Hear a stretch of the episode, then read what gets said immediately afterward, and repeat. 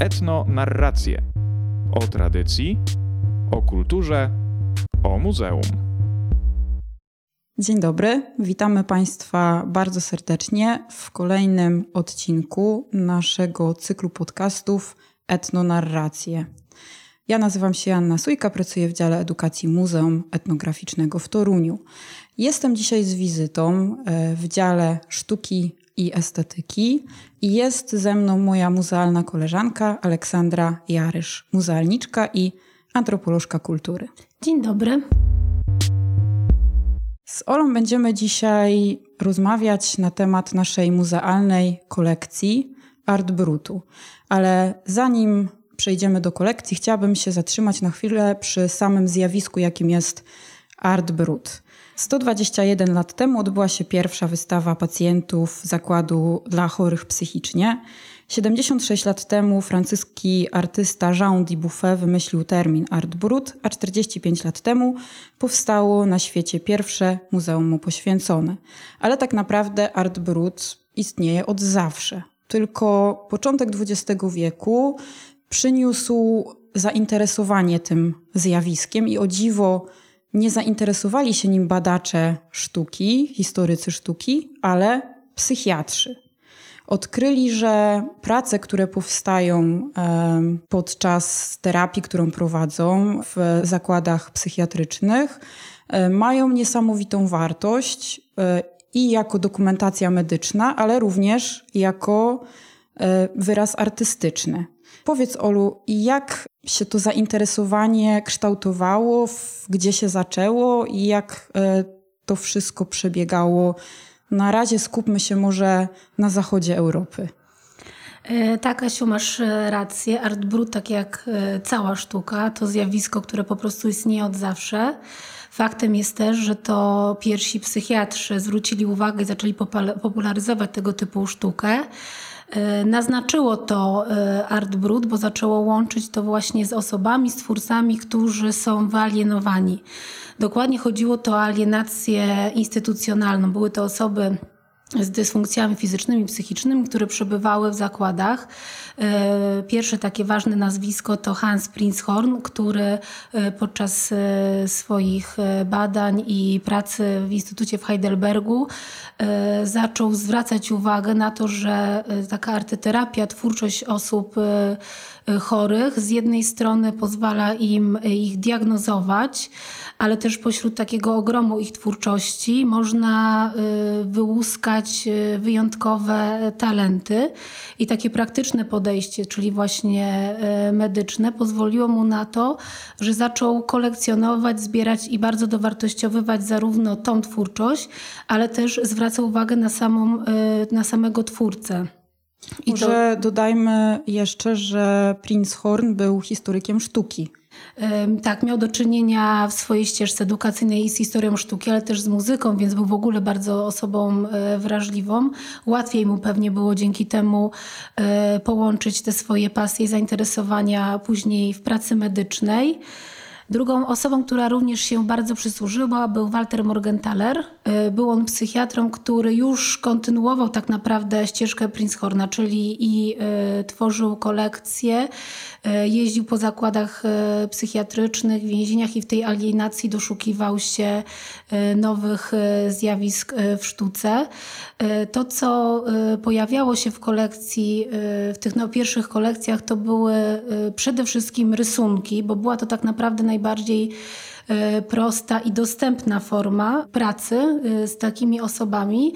I tak naprawdę trzeba oddać e, hołd tym psychiatrom, że oni w ogóle zwrócili uwagę na tego typu twórczość, jak na przykład w przypadku Marii Lib, która układała ornamenty kwiatowe z prześcieradą. Ona niszczyła co wieczór swoje posłanie jest takie zachowane zdjęcie, jedyne właśnie z 1894 roku, e, które było początkowo dosyć anonimowe. Było widać, że na podłodze są ułożone, skołtunione takie fragmenty pasy prześcieradeł i to był jej rytuał. E, pielęgniarze e, i osoby z personelu medycznego jej pozwalały na to, bo ta rutyna, ten rytuał dał taki upust, ją uspokajał i ona była w stanie normalnie funkcjonować. E, taką twórczością też może dla nas zaskakującą były listy. Niektóre osoby pisały listy, które układały się na przykład we wzory i ornamenty. Powtarzały niektóre sformułowania, na przykład przyjedź do mnie, odwiedź mnie i z tego e, powstawały wzory florystyczne albo coś, co przypominało cokolwiek i też dla tych osób E, tak naprawdę był to taki element, który wprowadzał porządek w ich życie. To były osoby, które były w specyficznych warunkach, bo one nie miały e, kontaktu ze światem zewnętrznym. E, nikt ich nie oceniał. One nie tworzyły też po to, aby być artystami, którzy potem mają wpływ na rynek sztuki albo w ogóle na tworzyć jakieś zjawisko w sztuce. E, ta ich praca to była taka próba otwarcia się, takich wrót do ich, e, do ich życia. Można było taką regularność wyznaczyć, że na przykład schizofrenicy mieli podobne upodobania, ta właśnie ornamentyka, powtarzalność wzorów, to było coś, co było taką dla nich cechą wspólną.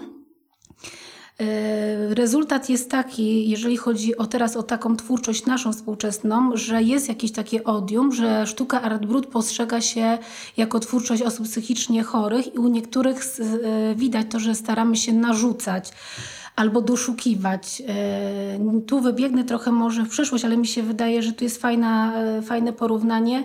Przypadek Edmunda Monsiela. Była to osoba, która dla nas najbardziej kojarzy się z tym, że po jego śmierci odkryto kilka skrzyń z pracami. E, osoby z różnych tam sektorów naukowych i, i artystycznych, ale też medycznych na podstawie tych rysunków stwierdziły, że jest to schizofrenik. Tam właśnie Pokazy, w jego pracach powtarza się motyw e, oczu, e, one, te twarze nachodzą na siebie, tych oczu jest coraz więcej, coraz więcej, te obrazy na nas patrzą, tam jest jakiś rodzaj obserwacji. E, wysnuto teorię, że jest to taki moralitet, że e, Monsiel był pod obserwacją Pana Boga i musiał jego przesłanki jakieś wypełniać właśnie tworząc e, te prace. Ale po zbadaniu dokładnie jego biografii okazuje się, że przede wszystkim on tworzył te prace dużo wcześniej niż ta trauma, która miała wyzwolić i tak się często powtarza, że wydarzenia II wojny światowej wyzwoliły u niego tą potrzebę tworzenia w ukryciu. E, faktem jest, że to, co, e, czego był świadkiem podczas II wojny światowej, czyli masowa egzekucja, w tym członków jego rodziny, na pewno miała na to wpływ, że on potem był osobą skrytą i oddał się malowaniu e, w pełni. Ale po wojnie też miał takie, takie momenty, interwały, w których funkcjonował normalnie, pracował w cukrowni i o tym, że on tworzył, tak naprawdę widziało wiele osób, bo dostarczało mu między innymi materiał więc nie było to też tak, że była to osoba na tyle chora, która zamknęła się w swojej przestrzeni, nie wiedząc o tym, co się dzieje na zewnątrz, jakby chcąc się odciąć od, od złego świata. E, i, i, tylko była pod wpływem tego, co, co tworzyła e, na, na kartonach i na, na papierze. No mimo wszystko e, mógł być osobą skrytą, ale nie na tyle, żeby porównać go do tego, co się działo w szpitalach psychiatrycznych. I też jego rysunki doprowadziły do takiej diagnozy, że był on schizofrenikiem. Tak więc wydaje mi się, że warto było wspomnieć to przy tych kolekcjach pierwszych zakładów psychiatrycznych, że jest takie odium, potrzeba teraz włączania choroby psychiatrycznej psychicznej w twórczość e, Art Brut. Oczywiście wynika to z wielkich komplikacji związanych w ogóle z jakąkolwiek diagnozą tego pojęcia, no ale e, schorzenia psychiczne warunkują bardzo często to, jak też odbieramy e, te dzieła. I tak jak wspominałeś, Jean Buffet kontynuował poszukiwania do swojej kolekcji. E, odkrywając e, największe według siebie talenty i takie, którymi też się inspirował, bo to trzeba zaznaczyć, właśnie w zakładach e, więziennych, w zakładach psychiatrycznych. On też zarezerwował wtedy ten termin arbrut, który sam powołał właśnie tylko dla takiego rodzaju artystów. I do tego momentu sprawa była dosyć taka czysta i jasna. I to było dosyć dobrze określone, jacy twórcy są w tej szufladzie arbrut, bo do tego y, dążył Jean Buffet. Tutaj należy wspomnieć również o artystach z kręgu paryskiej awangardy, surrealistach, dadaistach, czy grupie ekspresjonistów Błękitny Jeździec, którzy odkryli, że twórczość artystów naiwnych, wizjonerów prezentuje tak naprawdę to, co sami chcieliby zawrzeć w swoich dziełach, czyli to jest ta autentyczność wypowiedzi, spontaniczność, emocjonalność przekazu. Im oczywiście było to o wiele trudniej osiągnąć, ponieważ byli grupą wyuczoną, artystami akademickimi i wiedza o historii sztuki, technikach tworzenia w tym kontekście stała się dla nich brzemieniem. Prace e, artystów z kolekcji Prinzhorna oraz takie e, osobowości twórcze jak Wolfli, Henry Rousseau, Aloise Corbas czy Augustin Lazarze e, były dla nich powiewem świeżości. Ich siła ekspresji artystycznej, ta obarczona właśnie dziedzictwem szkół, wpływów akademickich i obowiązujących trendów w sztuce, potrzebowała właśnie nowego impulsu, nowej inspiracji. E, doceniali oni w tego typu e, twórczości e, takie wartości jak nieskrępowaną fantazję i szczerość wypowiedzi. Bardzo często powtarza się takie określenie, że była to twórczość czysta i nieskażona. Jest to dość taka przewrotna sytuacja, w której artyści akademiccy uznają niejako pewną wyższość sztuki samorodnych twórców. E, właśnie poprzez e, inspirowanie się nimi i e, wyszukiwaniem nowych sytuacji, nowych bodźców. Dodatkowo zrównują ich twórczość, prezentując wspólnie swoje dzieła na wystawach razem z ich twórczością.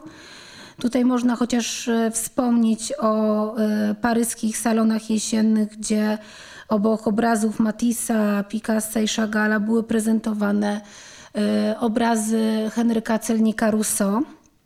I co ciekawe, ten sposób artyści z różnych kręgów kulturowych, którzy prezentowali y, odmienne zjawiska w sztuce początku XX wieku, y, mówili jednym uniwersalnym językiem, językiem sztuki.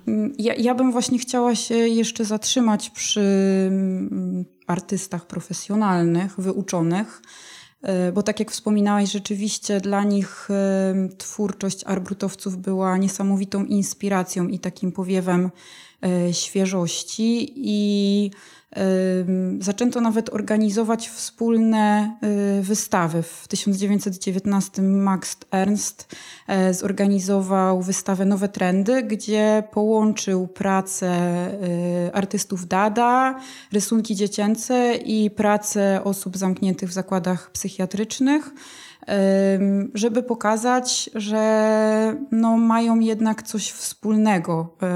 Przede wszystkim pasję i niesamowitą chęć tworzenia.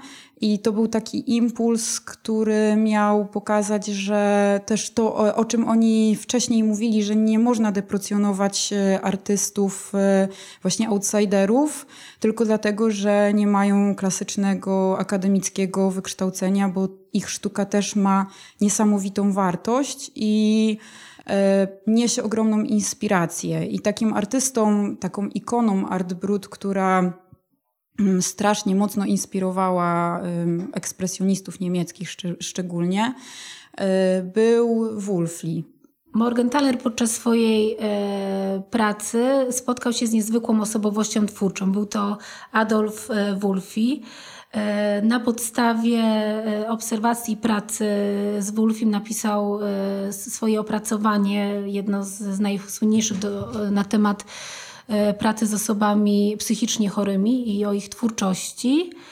E, Adolf Fulfi e, był osobą, która miała zakręconą, dramatyczną biografię. To jest, to, to jest tożsame dla w zasadzie większości twórców, których prace dookreślamy jako prace arbrutowe. Miał trudne dzieciństwo, ojciec był alkoholikiem, opuścił E, rodzinę, przełożyło się to na ubóstwo tej rodziny. Mama e, wkrótce zmarła. E, I Wolfi tułał się po rodzinach zastępczych, w których był po prostu bardzo źle traktowany. Takim przełomem w jego biografii było, był fakt, że został oskarżony o napaść na nieletnie. Zrobił to dwukrotnie. Wylądował w zakładzie penitencjarnym, a po drugiej napaści seksualnej trafił do zakładu opieki osób, dla osób nie, psychicznie chorych.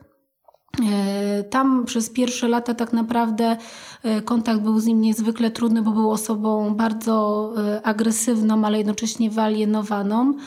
I tak całkiem przypadkowo dopiero jego arteterapia poprzez sztukę doprowadziła do tego, że on się uspokoił. Jego życie złapało inny rytm. E, i sensem jego w ogóle funkcjonowania egzystencji stała się praca twórcza. Przez te kilka dekad stworzył monumentalne dzieło, była to jego specyficzna autobiografia. Jest takie właśnie charakterystyczne zdjęcie, na którym stoi sam artysta, a obok niego jest taki stos ksiąg, które praktycznie chyba dwa metry mają, osiągają. One wszystkie zapełnione są rysunkiem i tekstem. W tej autobiografii on stworzył takie swoje alter ego. Było to jego życie, które było życiem lepszym, życiem pozbawionym e, pamięci o przeszłości, o traumach, e, o tym, jakie krzywdy go spotkało od innych ludzi. E, stworzył Adolfa II, który przemierzał wszechświat, poznawał nowe miasta, nowe ludzi, nowych ludzi, nowe stworzenia. E, brał udział w różnych przygodach, bitwach. Ten wszechświat był rozrysowany totalnie, e, w wielkiej szczegółowości. Autobiografię podzielił na, na kilka okresów, ale wszystkie one właśnie charakteryzowały się bardzo skrupulatnym, rysunkiem, w którym e, jego, jego druga, druga osobowość brała udział e, w zupełnie innym życiu. To jest też taka właśnie cecha charakterystyczna tego typu twórczości, że świat, który powstaje na, na kartonach, na papierze, jest albo kontynuacją traum i w ten sposób się z tych traum artysta wyzwala, albo właśnie jest próbą stworzenia świata, w którym twórca czuje się bezpiecznie, E, świata, w którym twórca w ogóle ma wrażenie, że jest władny go kreować, bo wiadomo, że alienacja w zakładach psychiatrycznych, poddawanie się pełnym rygorom sprawiało, że te osoby no, były ubezwłasnowolnione. E, natomiast e, twórczość to, to był ich świat, którym rządzili oni. I ten taki silna potrzeba kreacjonizmu, taki właśnie mit, który obowiązuje w sztuce, był realizowany przez nich. To może dodajmy, że mm, ta praca, o której wspomniałaś, ma 45 tomów i zapisał 25 tysięcy mhm. stron, więc jest to dzieło y, ogromne. Y, podobno na początku tygodnia dostawał y, ołówki, które już po dwóch dniach znikały i musiał szukać czegoś, czym mógłby pracować, więc bardzo niesamowita i fascynująca e, osobowość twórcza przede wszystkim. E, tak, tacy artyści jak Wolfi oraz inni reprezentujący ten krąg sztuki artbrutowej na początku XX wieku zyskiwali na popularności, ale takim załamaniem był rok 1937 kiedy w Monachium znów połączono artystów e, uczonych e, i artystów z tego kręgu outsiderskiego, ale już pokazując ich jako rodzaj sztuki zdeprawowanej, e, świadczącej po prostu o tym, że te osoby są złymi wytwórcami i artystami i totalnie zdegenerowanymi. E, I tak naprawdę dopiero e, działania Żana Dipfeta, który wrócił znowu do tego, do poszukiwań tej sztuki, do tego, żeby ją e, nazwać i promować, znowu Art Brut postawiła na piedestale. Cały czas istotne jest to, że artyści byli bardzo ważni w tym procesie popularyzowania tego typu twórczości, utożsamiali się z jej twórcami i wzajem, znaczy wzajemnie nie inspirowali się. To było działanie jednokierunkowe, bo e, wytwórcy, o których e, mówimy, e, nie mieli tej świadomości, ani nie mieli potrzeby, aby ktoś później podziwiał ich dzieła, bo oni się skupiali na akcie twórczym. To zatrzymajmy się jeszcze na chwileczkę przy wystawie z 1937 roku, sztuka zdegenerowana pod patronatem Goebbelsa, która miała za cel ośmieszyć y, artystów awangardowych y, poprzez zestawienie ich prac z pracami y, osób zamkniętych w zakładach psychiatrycznych, ale tak naprawdę ona przyniosła trochę inny rezultat, bo przede wszystkim przewędrowała dziewięć miast i w, od 37 do 41 roku obejrzało ją bardzo dużo osób e, i bardzo dużo osób miało też okazję zaznajomić się z pracami, które znalazły się w kolekcji Prince Horna, czyli z jednej strony naziści chcieli okpić i wyszydzić tą sztukę um, awangardową, e, ale z drugiej strony dali możliwość oglądania jej szerokiej publiczności, co też na pewno przekładało się w jakiś sposób na duże zainteresowanie Artbrutem, które pojawiło się po 1945 roku. To mm, zostawmy może mm, Europę i przenieśmy się na mm, nasze polskie podwórko. Czy tutaj podobnie kształtowało się zainteresowanie Artbrutem i przede wszystkim jak nazwać to zjawisko w sztuce u nas, e, nie używając obco brzmiącej nazwy? Czy, czy jest jakiś sposób na określenie tego? Jeżeli chodzi o twórczość arbrutową, która już funkcjonowała na świecie, przez pierwsze lata w Polsce było o tym e, cicho u nas. E, tak naprawdę ci artyści już istnieli, ale oni byli klasyfikowani jako artyści E, ludowi. E, dopiero e, praca badawcza Aleksandra Jackowskiego, który miał kontakt również z, z, typową sztuką ludową czy, czy z konwencją ludową, on sam zauważył, że to jest termin, który już nie obejmuje pewnego rodzaju twórczości. On jeszcze nie, nie doszedł do momentu, kiedy były to osoby które pozostawały w kręgu zainteresowań Zachodu, czyli e, osoby chore e, psychicznie, ale e, zaczęły się pojawiać takie sformułowania jak sztuka naiwna. I Jackowski sam twierdził, że to nie jest określenie dobre, które, które stawia jakiekolwiek granice i w zasadzie dobre, bo jak wiemy, że stawianie granic w terminologii w sztuce jest złem i prowadzi tak w sumie do deformacji terminologicznych ale używał tego sformułowania, bo było to na ten moment w miarę wystarczające i odcinało ono już od sztuki e, ludowej. E, później pojęcie to ewoluowało w stronę sztuki nieprofesjonalnej. Było to określenie, które nam obecnie kojarzy się dosyć pejoratywnie, ale było dosyć takim e, obszernym workiem, do którego można było wrzucić osobowości twórcze, które były całkiem e, inne.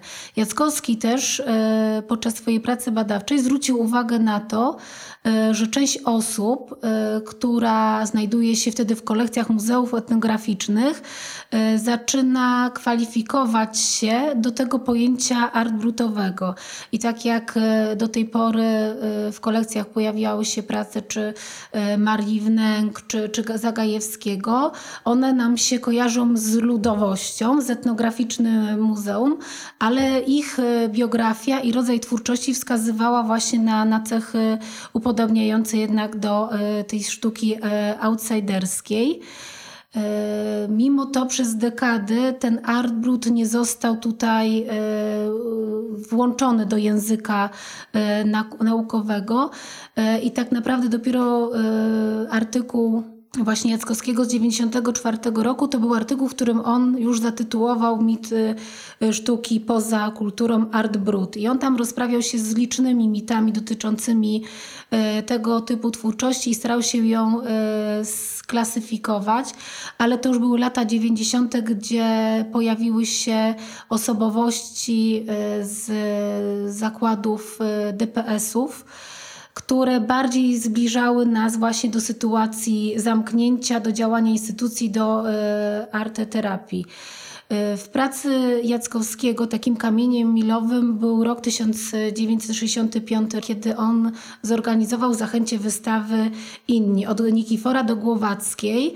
E, tam jeszcze e, to, nazewnictwo, terminologia była zupełnie inna, e, ale było już wskazanie na tego typu twórczość z pominięciem tego, co funkcjonowało do tej pory w kolekcjach, czyli sztuki ludowej, która poddawana było regionalizmowi. Okazało się, że działają twórcy, którymi nie, nie zajmują się kolekcje sztuki profesjonalnej, sztuki akademickiej, twórcy, którzy są na marginesie. I to, że tego typu twórczość przykleiła się już na stałe do, do zagadnień etnograficznych, do zagadnień antropologii kulturowej, właśnie wyniknęła z tego faktu, że ci twórcy byli to ludzie e, z marginesu i wyalienowani. I to jest taka cecha wspólna, taka przestrzeń, która ich wszystkich e, połączyła. Oczywiście ich biografie e, są no, z kwestią bardzo indywidualną, to jak dochodzili do, do, do tego, że stają się twórcami, artystami. Niektórzy faktycznie byli obciążeni chorobami psychicznymi, dysfunkcjami fizycznymi. E, niektórzy mieli e, duże, duże zawirowania biograficzne, traumy, tragedie, które doprowadziły ich do tego, że e, w tych swoich małych społecznościach zostali odrzuceni i realizowali się twórczo, czy nawet nikt nie, nie wiedział. E, dużą rolą i zasługą e, były tutaj działania e, kolekcjonerskie. To, że Bolesław Lina Nawrotcy, że Ludwik Zimmerer jeździli i oprócz świątków zwracali uwagę na osoby jak Maria Wnęk, pomagali im często i kupowali od nich zbiory, to wszystko poszerzało jakby pole eksploatacji tego typu sztuki. Wspominałaś, że mm, artbrutem w Polsce zajęły się muzea etnograficzne kolekcjonowaniem, e, prywatni kolekcjonerzy, ale czy są jeszcze jakieś miejsca, gdzie powstają tego typu kolekcje i które te kolekcje prezentują? Jeżeli chodzi o instytucje, to tak naprawdę e, cały czas sztuka, która jest sztuką outsiderów, e, pozostaje w kręgu zainteresowań kolekcjonerskich muzeów etnograficznych. Może to wynika już teraz bardziej z takich statutowych e, założeń. Zresztą nie jest to niczym złym, bo tego typu sztuka może mieć po prostu też swoje jedno miejsce. Nie, nie ogranicza to chyba jej pole eksploracji i oddziaływania. Y, dużą taką odmianą, y, szczególnie y, w latach 90., było to, że zaczęły powstawać fundacje i stowarzyszenia, które zaczęły się opiekować i promować sztukę Art Brut. I to był taki właśnie moment, który już zaczynał tą szufladkę otwierać i ciasno stawiać jej granice. Błędem tego było to, że w pewnym momencie E, odbiorcy e, zaczęli kojarzyć to, e, tego typu sztukę jako tylko działalność warsztatów arteterapeutycznych, które były w domach pomocy społecznej, ale jest to tak naprawdę kwestia, która nie wyczerpuje tematu. Do tego grona zaczęto zaliczać również twórczość takich osób, które Y, zmieściły się w założeniach kolekcjonerskich muzeów etnograficznych tak naprawdę od początku. I byli to artyści zarówno naiwni, prymitywni, wizjonerzy, osobni, którzy y, tworzyli w konwencji ludowej, ale łączyli je ze swoim takim stylem indywidualnym, ze swoimi wizjami. Tutaj można wymienić takich rzeźbiarzy jak Stanisław Mika, Wojciech Oleksy, Edward Sutor albo Helena Szczypawka-Ptaszyńska. E, I w swoich badaniach Aleksander Jaskowski wskazuje, że takim wyznacznikiem, który e, różnicował twórczość e, w konwencji ludową, taką typową od outsiderów, jest między innymi to, że artyści ludowi byli bardziej zaawansowani warsztatowo, ich prace były bardziej dopracowane i te syntetyczne formy artbrutowców bardzo się odznaczały na ich tle. E, porównując między innymi e, rzeźby ptaszyńskie, które były ciosane e, siekierą albo rzeźby Oleksego malowane kredkami, widać różnicę między takimi pracami, które powstawały w rzeźbiarskich ośrodkach twórczych sierpeckim, kutnowskim czy łęczyckim. Tam rzuca się w oczy taka konsekwencja ikonograficzna, dbałość o kolorystykę, świadomy wybór tematu. Te obiekty e, były bardzo e, dopracowane, atrybuty poprawnie używane przy wizerunkach świętych. Artyści właśnie ludowi tworzyli bowiem takie rzeźby, które były tak naprawdę substytutem świętego przedstawienia i to gwarantowało im tak naprawdę taką akceptację w środowisku wiejskim. Ich twórczość była uznawana i podziwiana. E, bo e, była tym, e, co widziano w kościołach, pojawiały się ich rzeźby w kapliczkach w przestrzeni wiejskiej. Były, były to wzorce ikonograficzne oswojone, akceptowalne, a rzeźby o tematyce świeckiej tworzone przez tych artystów wykazywały cechy regionalne i to też właśnie wpływało na to, że były bardziej związane z życiem wsi i mogły stać się jej e, elementem. E, natomiast rzeźby Herutka, Aleksego czy Michki to, to twórczość bardzo nienormatywna, która się sytuuje jeszcze na, na pograniczu kultury wiejskiej i są to samorodne talenty, u których dysfunkcje zarówno natury psychicznej, jak i fizycznej oraz taka naiwna forma religijności wpływała to, że, że tworzyli w osobnieniu na y, obrzeżach swoich y, społeczeństw. I oni y, podejmując różne tematy w swoich rzeźbach, tak naprawdę nie, nie było dla nich najważniejsze to, co przedstawiają, tylko to, że był, że był to dla nich forma wyrazu swoich lęków, swoich wizji, obsesji, samotności. E, ale również pasji i takiej prostolinijnej postawy religijnej. E, w kolekcjach muzeów etnograficznych właśnie te nienormatywne, samorodne talenty na równi e, z artystami, którzy świadomie kształtują swój warsztat rzeźbiarski, współtworzą kolekcję sztuki. E, prócz kolekcji e, sztuki muzeów etnograficznych e, dla popularyzacji twórczości Arbrut znaczenie mają również prywatni kolekcjonerzy, na przykład Zbigniew Chlewiński, Andrzej Kwasibiorski, którzy też objeżdżali cały kraj, robią to do tej pory. I oprócz tego, że tworzą kolekcje, promują też się za granicą, piszą bardzo dużo publikacji i cały czas, że tak powiem, ta, ta szufladka arbrutowa robiła się coraz pełniejsza. E, tutaj też e, dochodzą do tego galerie, które zaczynają się specjalizować tylko e, w artbrucie. Z reguły są to galerie, które powstają właśnie przy warsztatach terapii zajęciowej i tam, jeżeli okaże się, że jacyś pojawiają się twórcy, osobowości twórcze, które można promować, w tej galerii zaczynają funkcjonować i tam też często jest działalność kolekcjonerska, są wystawy ale to jest też taki moment, w którym możemy zauważyć e, przewartościowanie, bo tak jak widzimy na, na wystawach, nie wiem, Głowali czy, czy e, Magiery, oni e, początkowo w swojej twórczości skupiali się, tak jak e, wcześniej mówiłam, na tym akcie twórczym, ale w momencie, kiedy zaczęli e, dostrzegać i być już takim elementem tej składanki pod tytułem wystawy, katalogi, zaczęli postrzegać siebie inaczej. Oni zaczęli tworzyć ten mit artysty. To jest coś tak naprawdę bardzo wspaniałego, bo oni w tym się odnajdywali. To było źródło ich satysfakcji. Mieli takie poczucie, że tworzą rzeczy piękne i bardzo zależało im na tym, żeby ludzie to e, właśnie opiniowali, że ale ładne, takie proste sformułowanie to było coś, co, e, czego oni e, potrzebowali.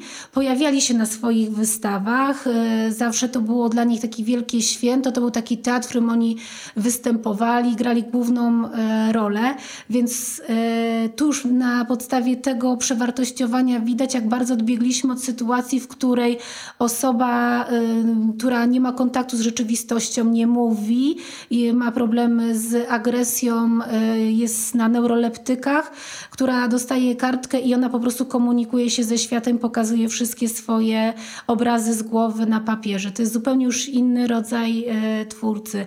Teraz mamy do czynienia z takim wysypem też konkursów, jak Art Naiv w Katowicach, Oczywiście od 1996 roku trzeba wspomnieć o konkursie Teofila Ociepki, e, którego formuła pozwala na to, że twórcy z całego kraju którzy mieszczą się powiedzmy w jakichś kategoriach, bo ten konkurs też ma swój regulamin, czyli jednak są jakieś granice, wysyłają swoje prace. Mimo, że jest to konkurs wieloletni, on cały czas sprzyja temu, że pojawiają się nowe nazwiska, nowe osobowości. E, po części jest to zasługa osób, które są mentorami tych osób, mają może też większą taką świadomość i tak dalej, bo mówię, to cały czas e, nie jesteśmy w stanie ujednolicić. Dla jednych osób nadal e, taka praca na warsztatach terapii to będzie coś na zasadzie totalnego zamknięcia się nad, nad tą twórczością, on nie widzi po, poza tym świata i kończy pracę, przychodzi dalej, ale są też osoby, które zaczynają w, ten, w te tryby y, takie kolekcjonerskie, wystawowe y, wchodzić. Oczywiście nie, nie jest to nic negatywnego. Y, może to wpływać też na, na to, w jaki sposób oni malują, bo y, ostatnio, y, jak rozmawiałam z Damianem Rebelskim, z twórcą, który we wszystkich encyklopediach i opracowaniach jest klasyfikowany jako art brutowy, z czego to wynika? Bo ma dysfunkcję fizyczną, jest osobą chorą z porażeniem mózgowym. On powiedział mi, że sam teraz widzi po sobie, że praca na tych warsztatach, które dawały mu tą możliwość, że on tworzył, Y, wpłynęła na to, że on nie tworzy spontanicznie. I będąc teraz na wystawie y, właśnie y, po konkursowej ociepki, zwrócił uwagę, że te nowe osoby, które się pojawiają, one mają taki większy luz, swobodę wypowiedzi, a on zaczyna już za bardzo o tym myśleć. No i teraz cóż możemy zrobić? Wywalić Rebelskiego z Brutu? No bo już nam się nie mieści w kategoriach. Czyli e, zachodzi tutaj taki trochę proces podobny jak e, przy twórczości twórców ludowych, którzy początkowo tworzyli spontanicznie pod wpływem impulsu, a w momencie, kiedy zaczęło się duże zainteresowanie e, ich dziełami, no, zaczęli zaspokajać rynek, który się pojawił i, i kolekcjonerów, którzy chcieli nabywać ich, ich wytwory. Olu, przejdźmy może teraz do mm, naszej kolekcji. Mm, chciałabym, żebyś opowiedziała, jak ona powstawała, czy można ją jakoś podzielić na jakieś kategorie, czy raczej nabywacie, sprowadzacie, kupujecie pracę spontanicznie pod wpływem impulsów, jedziecie gdzieś, coś wam się spodoba, e, czy jest jakiś program określony? Korzystamy z różnych możliwości e, pozyskania nowych e, prac. E, często jeździmy w teren, czyli do zakładów, do DPS-ów. Często jest tak, że mentorzy takich osób, najczęściej są to z wykształcenia po historii sztuki i tak dalej. Oni wyłapują na, podczas swoich zajęć osoby wyjątkowe i zwracają się do nas z pytaniem, czy, czy nie chcielibyśmy poznać ich twórczość, zainteresować się. W ten sposób odbyło się innymi nasz pierwszy kontakt z Genowefą Magierą, bo to właśnie jej opiekunowie e, zadzwonili do nas z informacją, że jest taka niesamowita e, osoba, która e, całą dobę praktycznie jakby mogła to by tworzyła. Później są też takie bardziej współczesne formy. Potrafimy też nawiązywać kontakt przez media społecznościowe i to jest też taki to nowy przełom, nowy znak naszych czasów, że E, osoby, które e, tworzą na warsztatach terapii zajęciowej, e, nie są to osoby, które są poza światem, tylko mają Facebooka, Instagram, prezentują swoją twórczość, mają swój styl indywidualny, są świetnymi artystami, ale mają też tego świadomość i możemy po prostu kupować również w ten sposób. Prace tych współczesnych artystów pojawiają się też na aukcjach. Na aukcjach też można kupić E, pracę, czy Marii Wnęk. Do tej pory można było też zdobyć, ale to już się niestety e, skończyło. Edmunda Monsiela to są już takie nazwiska właśnie jak e, Monsiel, Dębiński, osób, które już się pojawiły w kolekcjach prywatnych albo w instytucjach i już nie można ich zdobyć. Dodatkowo jeździmy na wystawy pokonkursowe, tak jak właśnie Teofila Ociepki, to jest szczególnie takie dla nas istotne, bo tam, tak jak mówiłam, pojawiają się nowe osobowości twórcze, co w sumie takie duże ułatwienie dla nas, bo czasami trudno ogarnąć byłoby tego typu działalność, bo tych DPS-ów i tych miejsc, w których te osoby tworzą jest mnóstwo na mapie Polski, a to jest taka kondensacja nowych zjawisk w sztuce i też bardzo dużo prac pozyskaliśmy właśnie dzięki E, temu, że ten konkurs jest e, e, tworzony, realizowany od lat.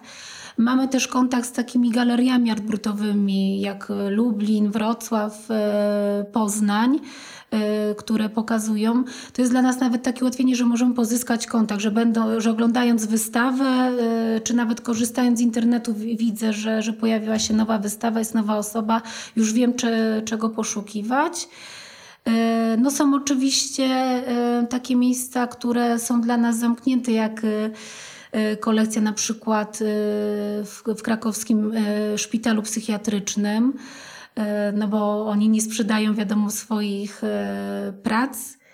Czyli nowe media ułatwiają rozwijanie kolekcji. A czy mogłabyś mm, opowiedzieć o tego typu kontakcie, y, właśnie, który został nawiązany przez, y, przez nowe media?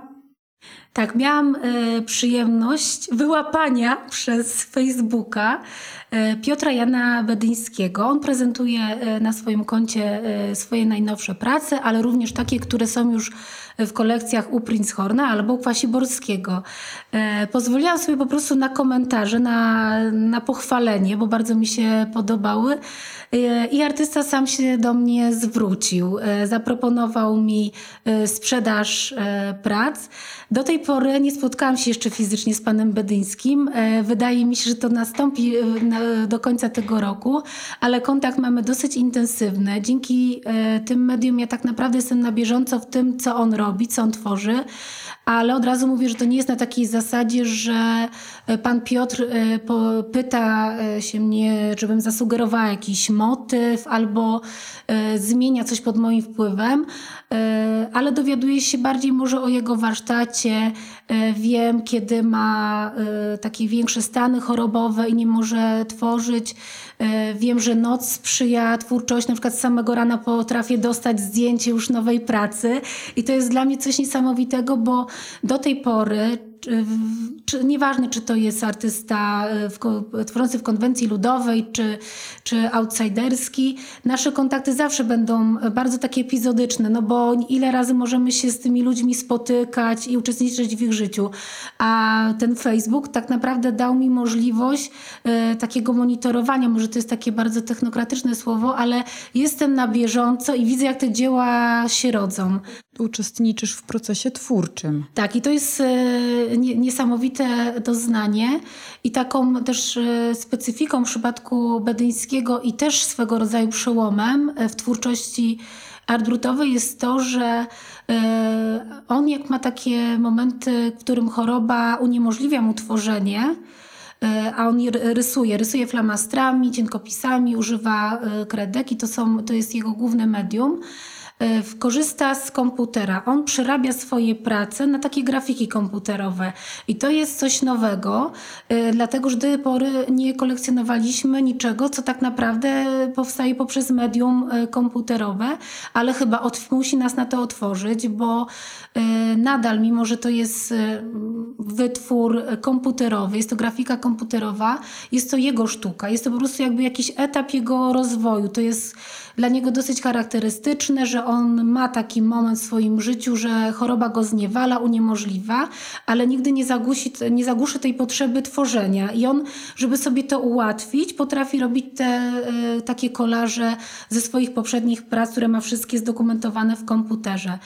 Y, w tym roku był konkurs y, Teofila Ociepki i on ze swoimi pracami nie dostał się na wystawę, jednak jeszcze uznano, że, że, że te grafiki nie spełniają tych norm. Nie oceniam tego, bo to nie, nie chodzi o to, ale musimy już wziąć pod rozwagę przy rozwoju naszej kolekcji, że będą się pojawiały takie formy.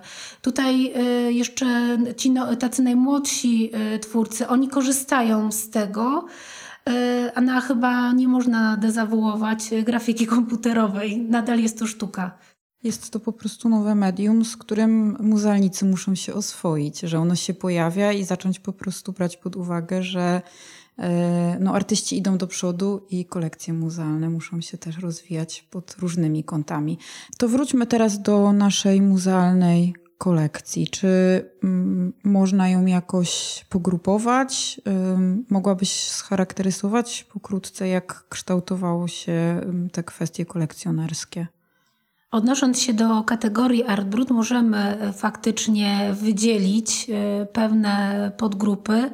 Pierwsza byli to byli tacy najstarsi y, nasi artyści, czyli Nikifor, Maria Wnęk, Stanisław Zagajewski, Edward Sutor, którzy od początku pozostawali w kręgu naszych zainteresowań, a ze względu na, na, na swoje wizjonerskie podejście do, do sztuki y, są postrzegani jako twórcy outsiderzy. Następna grupa będą to osoby, dla których wspólną wykładnią są schorzenia natury psychicznej, gdzie sztuka jest to taka jedyna ich forma wyrazu. E, oni w swoim życiu e, zamykają się przed e, otoczeniem, realizując swoją pasję. I to będzie Ryszard Kosek, Władysław Wałęga, Władysława Iwańska. Później pojawiają się twórcy, których właśnie pracę pozyskujemy z warsztatów terapii zajęciowej.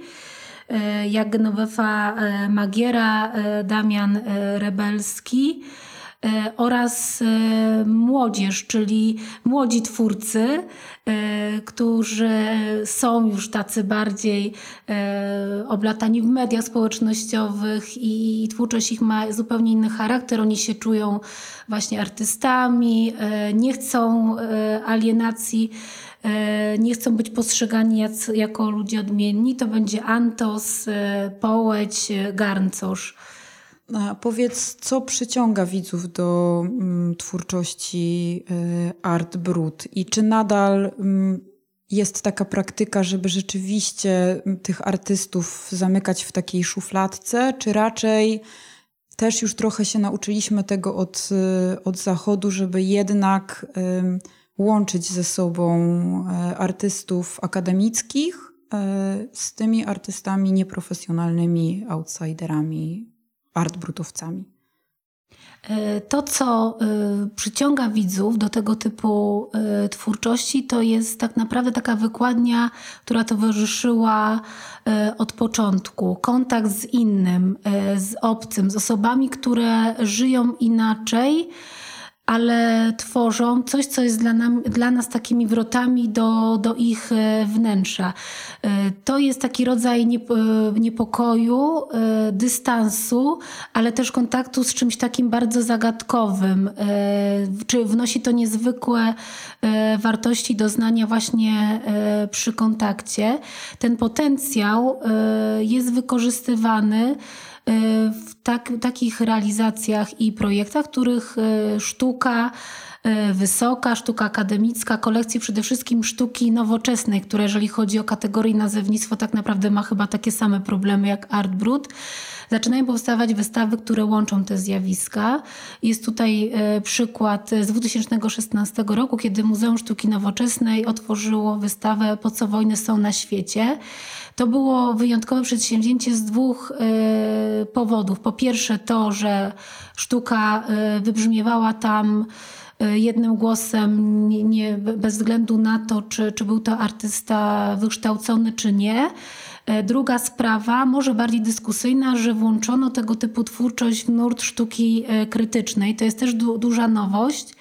E, zjawisko sztuki krytycznej, czy w ogóle takiej postawy krytycznej e, nie towarzyszyło przez dekady artbrutowcom, ale jak gdyśmy e, na bieżąco właśnie obserwowali to, co pojawia się na wystawach, okaże się, że pojawiają się takie osobowości, które mają potrzebę komentowania rzeczywistości, tak jak na przykład chociażby Stachowiak, Matlęga, którzy obraz łączą z tekstem i czy te, te tematy wojen, czy tematy polityczne, tematy związane z sytuacją ekonomiczną zaczyna być takim e, podstawowym tematem. E, są to też rodzaje moralitetów e, albo po prostu komentarzy rzeczywistości. Takich zjawisk oczywiście nie, jest, nie było dużo, ale szczególnie właśnie te współczesne placówki zaczęły korzystać z potencjału, czyli wracamy w zasadzie do tego, co artyści, surrealiści, awangarda paryska szukała w Artbrucie. Teraz on zaczął wybrzmiewać E, wspólnie z, z sztuką e, nowoczesną. Taką dobrą praktyką e, w wystawiennictwie nasze, naszego muzeum jest to, że tworząc wystawy tematyczne, które polegają na tym, że pewne zagadnienia umieszczamy w szerokim antropologicznym kontekście, pokazując obiekty ze sztuki też nie generalizujemy. Nie zwracamy uwagi na to, kto jest autorem. Potrzebne nam jest tylko jego dzieło. Ta sytuacja ma taki plus, że jakby odciążamy artystów do tej pory arbitrutowych z tego odium, dysfunkcji psychicznej, z choroby, że oni y, są teraz dla nas ważni, bo jest artysta i jest dzieło i my to pokazujemy. Y, uwalnia to też to y, artystów od tego, co, co towarzyszyło niestety bardzo długo. No, czy to jest naturalne, że ludzie oglądając tego typu sztukę zawsze żałowali tych ludzi, no bo oni są chorzy. To trochę tak zaburzało ocenę. Ja nie jestem zwolenniczką tego, żeby te biografie pełne traum, nieszczęść, chorób odłączać, bo one są elementem składowym, bo to jest tak jak przy Damianie Rebelskim, gdy on byłby artystą, gdyby był osobą zdrową, ale tworzyłby zupełnie inaczej, bo to w jaki sposób jest zmuszony trzymać ołówki i jakie musi mieć te ołówki, czyli grube, specyficzne, że przyciska czołem rękę i tak dalej, że te prace są pogniecione, to jest wynik właśnie no, jego skorzenia, z którym e, żyje. E, ale przez nagromadzenie właśnie tego typu e, projektów, które zaczynają wybrzmiewać wspólną sztuką, doprowadziło do tego, że wydaje mi się, że nie będzie już tworzono, e, tworzonych wystaw, które będą miały w tytule Art Brut. E, że te, ta etykieta okaże się nieważna, niewystarczająca. Jeżeli chodzi o definicję, my nigdy nie dojdziemy do ładu, bo przez to prawie 100 lat tak naprawdę tyle się zmieniło, że ona się zdezaktualizowała. Tworzenie nowych etykiet nigdy nam nie rozwinie, no bo sztuka nie ma granic i to wydaje mi się, że jest taką najlepszą konkluzją i e, poszerza nasze możliwości, że czy kolekcje, czy wystawiennictwo teraz powinno taką sztukę e, traktować na tym samym poziomie poziomie. Dowartościowuje to bardzo tych e, artystów. Pewnie pozwoli im to jeszcze śmielej wkroczyć na rynek sztuki. No taki, taki będzie rezultat, ale ze swojego punktu widzenia e, będzie mi bardzo przyjemnie robić tego typu wystawy, w których nie będę musiała się na przykład zamykać na twórczość tylko osób z warsztatów zajęciowych, tylko będę mogła je połączyć e, z innymi nazwiskami, z innych epok, z innych styli itd. Świetnym przykładem takiej wystawy jest wystawa Palindrom albo Krew Werk, gdzie zostały zestawione ze sobą prace akademików właśnie i e, artbrutowców. I tu zostało puszczone takie trochę oko e, w stronę widza, bo te prace nie są podpisane. My tak naprawdę sami musimy się domyślić, kto jest autorem. I wydaje mi się, że na celu właśnie kurator wystawy Robert Kuśmierowski miał taki pomysł, żeby unaocznić to, że, że nie ma sensu już jakby odgradzać grubą linią, że ktoś jest artystą artbrutowym i artystą e, profesjonalnym, akademickim, bo tak naprawdę wszystko jest to po prostu sztuką. Dziękuję Ci, Olu, bardzo za rozmowę. Ja Tobie też bardzo dziękuję, Asiu. Przykłady kolekcji sztuki Muzeum Etnograficznego prezentujemy na naszych ekspozycjach, na które bardzo serdecznie zapraszamy. Inne podcasty oraz materiały mogą znaleźć Państwo na naszej stronie www.etnomuzeum.pl. Bardzo Państwu dziękuję. Do usłyszenia. Joanna Sujka. Etno narracje o tradycji, o kulturze, o muzeum.